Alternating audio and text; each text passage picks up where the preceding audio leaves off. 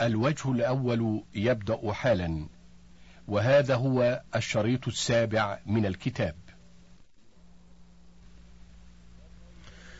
وقوله سبع سماوات فيه التصريح بأن السماوات سبع وأما الأرض فلم يأت في ذكر عددها إلا قوله تعالى ومن الأرض مثلهن. فقيل أي في العدد. وقيل أي في غلظهن وما بينهن وقال الداودي إن الأرض سبع ولكن لم يفتق بعضها من بعض والصحيح أنها سبع كالسماوات وقد ثبت في الصحيح قوله صلى الله عليه وآله وسلم من أخذ شبرا من الأرض ظلما طوقه الله من سبع أراضين وهو ثابت من حديث عائشة وسعيد بن زيد ومعنى قوله تعالى سواهن سوى سطوحهن بالإملاس وقيل جعلهن سواء. قال الرازي في تفسيره فإن قيل فهل يدل التنصيص على سبع سماوات أي فقط قلنا الحق أنه تخصيص العدد بالذكر لا يدل على نفي الزائد والله أعلم. انتهى. وفي هذا إشارة إلى ما ذكره الحكماء من الزيادة على السبع. ونحن نقول إنه لم يأتنا عن الله ولا عن رسوله إلا السبع. فنقتصر على ذلك ولا نعمل بالزيادة إلا إذا جاءت من طريق الشرع ولم يأت شيء من ذلك.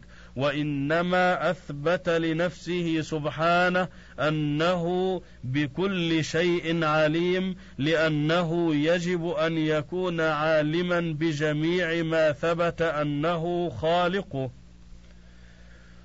وقد أخرج عبد بن حميد وابن جرير عن قتادة في قوله تعالى هو الذي خلق لكم ما في الأرض جميعا قال سخر لكم ما في الأرض جميعا كرامة من الله ونعمة لابن آدم وبلغة ومنفعة إلى أجل وأخرج عبد الرزاق وعبد بن حميد وابن جرير وابن أبي حاتم وأبو الشيخ في العظمة عن مجاهد في قوله هو الذي خلق لكم ما في الأرض جميعا. قال سخر لكم ما في الأرض جميعا. ثم استوى إلى السماء. قال خلق الأرض قبل السماء. فلما خلق الأرض ثار منها دخان فذلك قوله ثم استوى إلى السماء فسواهن سبع سماوات. يقول خلق سبع سماوات بعضهن فوق بعض وسبع أراضين بعضهن فوق بعض. وأخرج ابن جرير وابن المنذر وابن أبي حاتم والبيهقي في الأسماء والصفات عن ابن عباس وابن مسعود وناس من الصحابة في قوله هو الذي خلق لكم ما في الأرض. الآية قالوا إن الله كان عرشه على الماء ولم يخلق شيئا قبل الماء. فلما أراد أن يخلق الخلق أخرج من الماء دخانا فارتفع فوق الماء فسما عليه. فسماه سماء ثم انبس الماء فجعله أرضا واحدة ثم فتقها سبع أراضين في يومين الأحد والإثنين.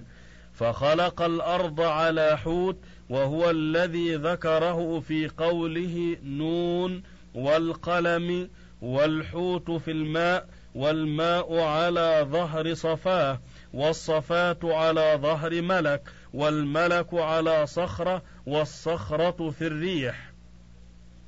وهي الصخرة التي ذكر لقمان ليست في السماء ولا في الأرض.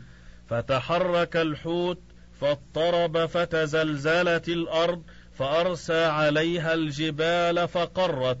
فذلك قوله تعالى وألقى في الأرض رواسي أن تميد بكم وخلق الجبال فيها وأقوات أهلها وسخرها وما ينبغي لها في يومين في الثلاثاء والأربعاء.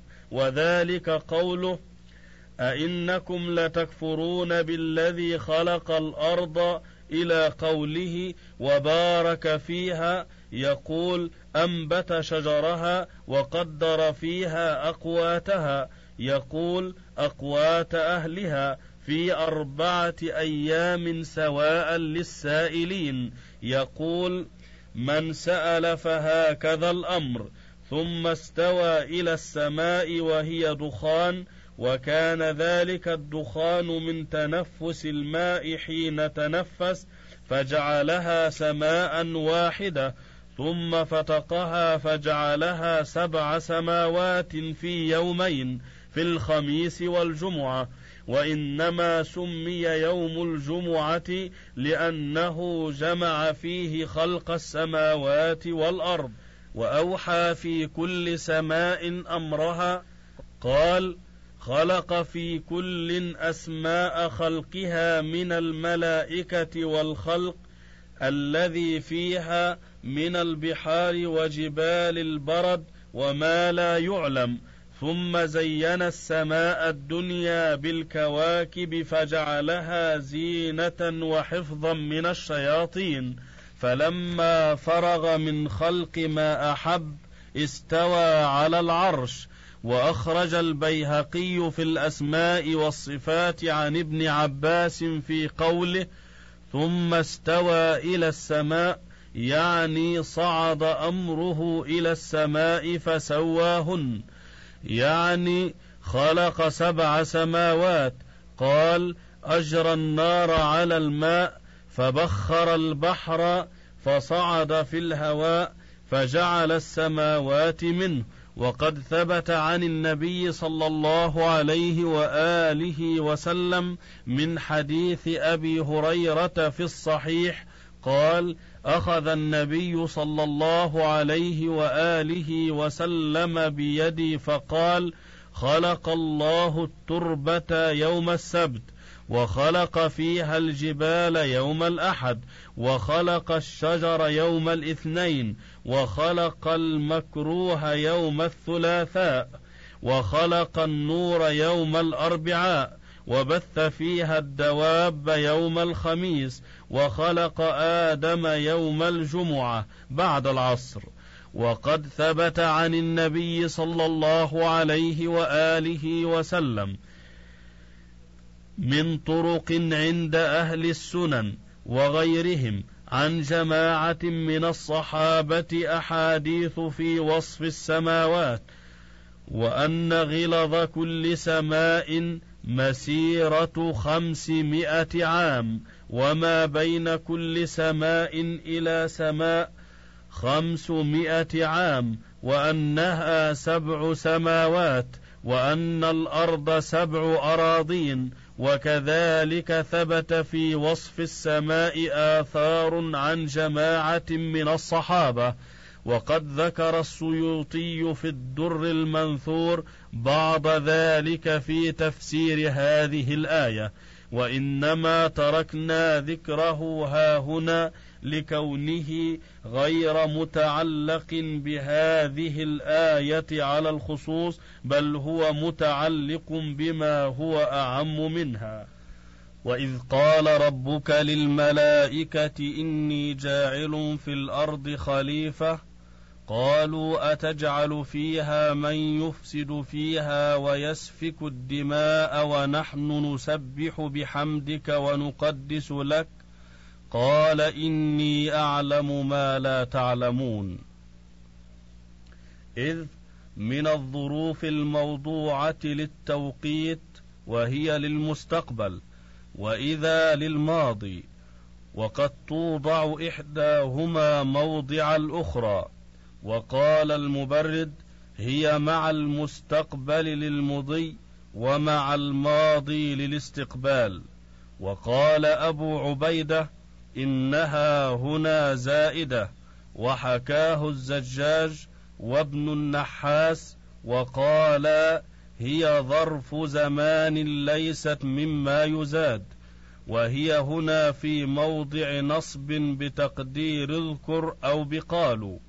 وقيل هو متعلق بخلق لكم وليس بظاهر والملائكة جمع ملك بوزن فعل قاله ابن كيسان وقيل جمع ملأك بوزن مفعل قاله أبو عبيدة من لأك إذا أرسل والألوكة الرسالة قال لبيد وغلام أرسلته أمه بألوك فبذلنا ما سأل. وقال عدي بن زيد أبلغ النعمان عني مألك أنه قد طال حبسي وانتظاري.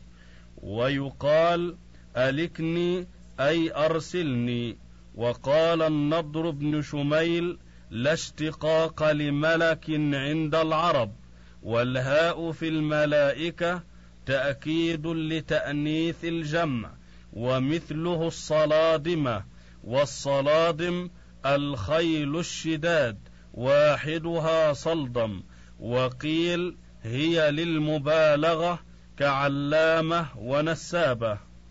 وجاعل هنا من جعل المتعدي إلى مفعولين وذكر المطرزي أنه بمعنى خالق وذلك يقتضي أنه متعد إلى مفعول واحد والأرض هنا هي هذه الغبراء ولا يختص ذلك بمكان دون مكان وقيل إنها مكة والخليفة هنا معناه الخالف. لمن كان قبله من الملائكة ويجوز أن يكون بمعنى المخلوف أي يخلفه غيره. قيل هو آدم وقيل كل من له خلافة في الأرض. ويقوي الأول قوله خليفة دون خلائف. واستغنى بآدم عن ذكر من بعده قيل خاطب الله الملائكة بهذا الخطاب لا للمشورة ولكن لاستخراج ما عندهم. وقيل خاطبهم بذلك لأجل أن يصدر منهم ذلك السؤال فيجابون بذلك الجواب. وقيل لأجل تعليم عباده مشروعية المشاورة لهم. وأما قولهم أتجعل فيها من يفسد فيها فظاهره أنه مستنكر استخلاف بني آدم في الأرض لكونهم مظنة للإفساد في الأرض. وإنما قالوا هذه المقالة قبل أن يتقدم لهم معرفة ببني آدم بل قبل وجود آدم فضلا عن ذريته لعلم قد علموه من الله سبحانه بوجه من الوجوه لأنهم لا يعلمون الغيب. قال بهذا جماعة من المفسرين وقال بعض المفسرين إن في الكلام حذفا والتقدير إني جاعل في الأرض خليفة يفعل كذا وكذا. فقالوا أتجعل فيها من يفسد فيها؟ وقوله يفسد قائم مقام المفعول الثاني. والفساد ضد الصلاح وسفك الدم صبه قاله ابن فارس والجوهري. ولا يستعمل السفك إلا في الدم وواحد الدماء دم. وأصله دمي حذف لامه وجملة ونحن نسبح بحمدك حالية والتسبيح في كلام العرب التنزيه والتبعيد من السوء على وجه التعظيم. قال الأعشى أقول لما جاءني فخره سبحان من علقمة الفاخر. وبحمدك في موضع الحال أي حامدين لك وقد تقدم معنى الحمد والتقديس التطهير أي ونطهرك عما لا يليق بك مما نسبه إليك الملحدون وافتراه الجاحدون. وذكر في الكشاف أن معنى التسبيح والتقديس واحد وهو تبعيد الله من السوء وأنهما من سبح في الأرض والماء وقدس في الأرض إذا ذهب فيها وأبعد وفي القاموس وغيره من كتب اللغة ما يرشد إلى ما ذكرناه. والتأسيس خير من التأكيد خصوصا في كلام الله سبحانه. ولما كان سؤالهم واقعا على صفة تستلزم إثبات شيء من العلم لأنفسهم أجاب الله سبحانه عليهم بقوله إني أعلم ما لا تعلمون. وفي هذا الإجمال ما يغني عن التفصيل لأن من علم ما لا يعلم المخاطب له كان حقيقا بأن يسلم له ما يصدر عنه وعلى من لا يعلم أن يعترف لمن يعلم بأن أفعاله صادرة على ما يوجبه العلم وتقتضيه المصلحة الراجحة والحكمة البالغة. ولم يذكر متعلق قوله تعلمون ليفيد التعميم ويذهب السامع عند ذلك كل مذهب ويعترف بالعجز ويقر بالقصور. وقد أخرج عبد الرزاق وعبد بن حميد وابن المنذر عن ابن عباس قال إن الله أخرج آدم من الجنة قبل أن يخلقه ثم قرأ إني جاعل في الأرض خليفة. وأخرج الحاكم وصححه عنه أيضا نحوه وزاد وقد كان فيها قبل أن يخلق بألفي عام الجن بنو الجان فأفسدوا في الأرض وسفكوا الدماء فلما أفسدوا في الأرض بعث الله عليهم جنودا من الملائكة فضربوهم حتى ألحقوهم بجزائر البحور. فلما قال الله إني جاعل في الأرض خليفة قالوا أتجعل فيها من يفسد فيها ويسفك الدماء كما فعل أولئك الجان؟ فقال الله إني أعلم ما لا تعلمون.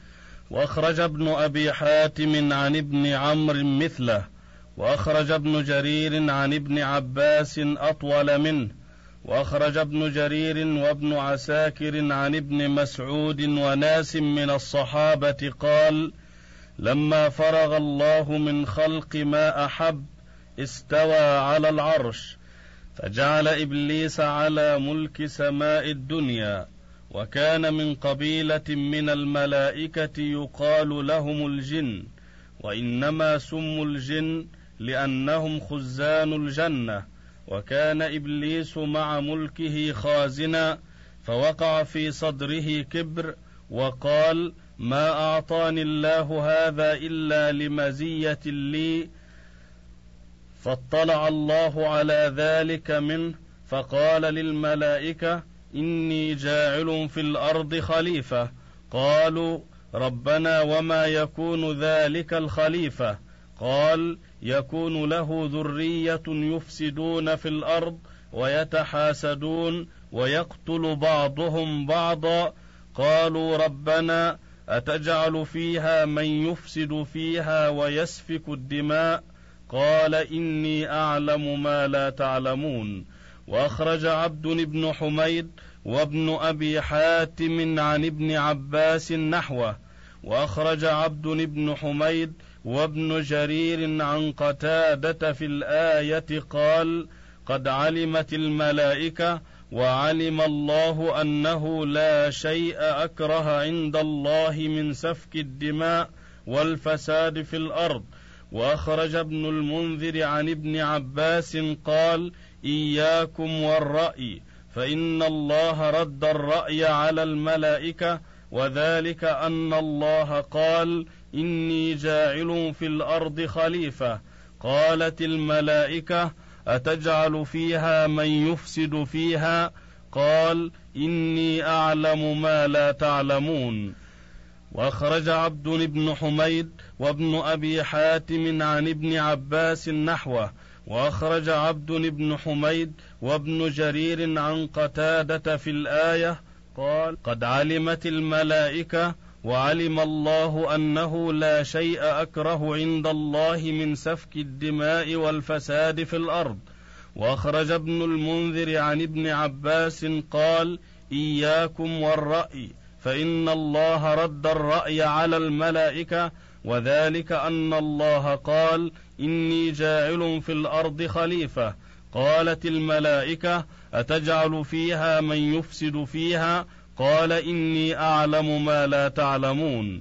وأخرج ابن جرير وابن أبي حاتم وابن عساكر عن أبي سابط أن النبي صلى الله عليه وآله وسلم قال دحيت الأرض من مكة وكانت الملائكة تطوف بالبيت فهي أول من طاف به وهي الأرض التي قال الله إني جاعل في الأرض خليفة قال ابن كثير وهذا مرسل في سنده ضعف وفيه مدرج وهو أن المراد بالأرض مكة والظاهر أن المراد بالأرض أعم من ذلك انتهى. وأخرج عبد الرزاق وعبد بن حميد وابن جرير عن قتادة قال التسبيح والتقديس المذكور في الآية هو الصلاة. وأخرج ابن أبي الدنيا في كتاب التوبة عن أنس قال قال رسول الله صلى الله عليه وآله وسلم إن أول من لبى الملائكة. قال الله تعالى إني جاعل في الأرض خليفة.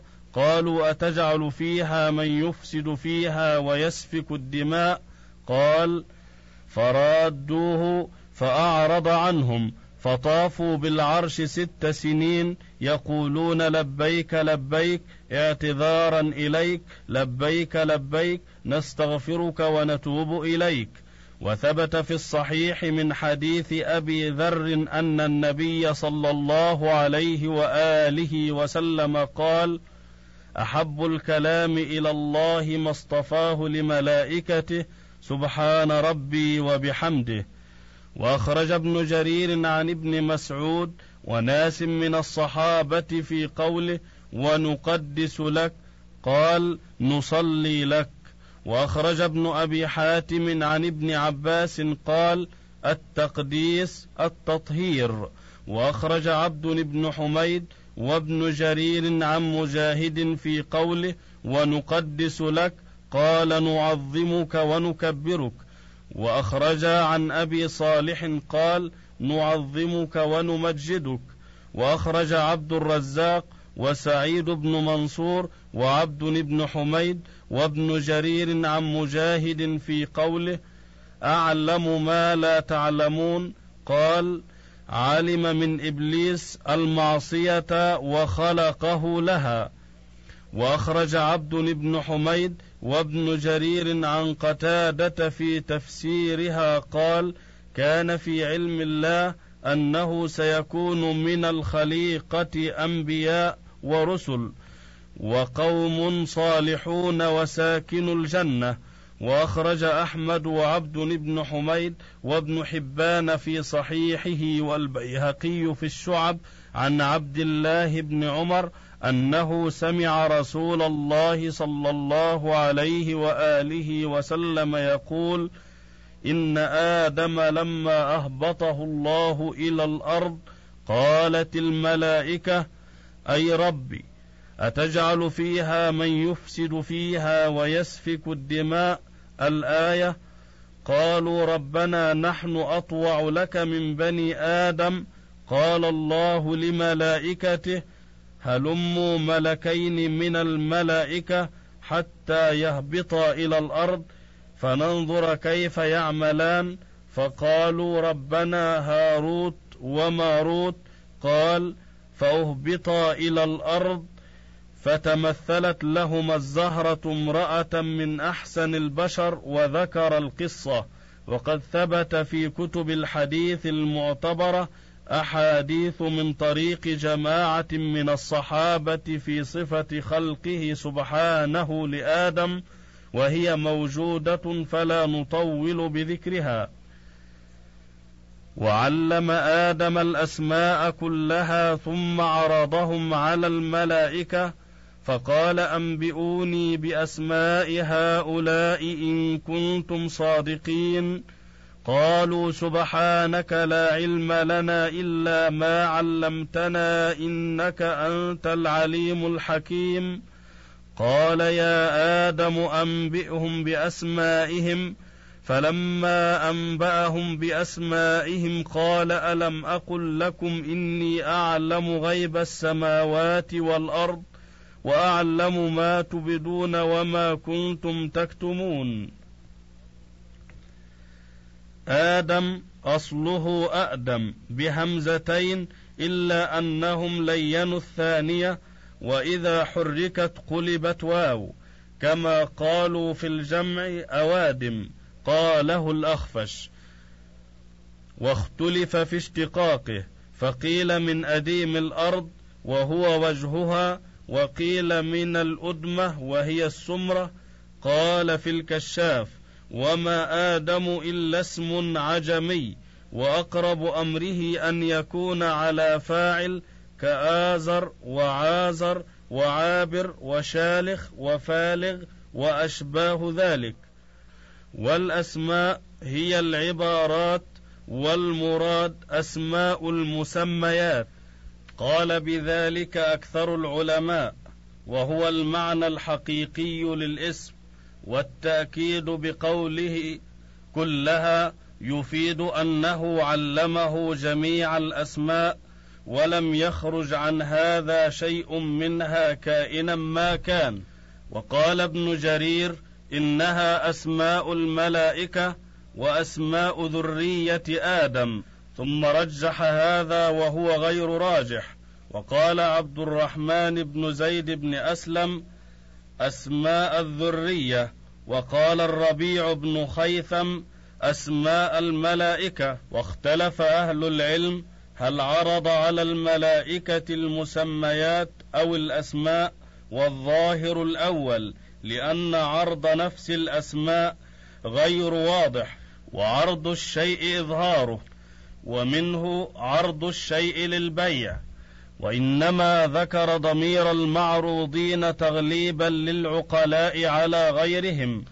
وقرأ ابن مسعود عرضهن وقرأ أبي عرضها. وإنما رجع ضمير عرضهم إلى مسميات مع عدم تقدم ذكرها لأنه قد تقدم ما يدل عليها وهو أسماؤها.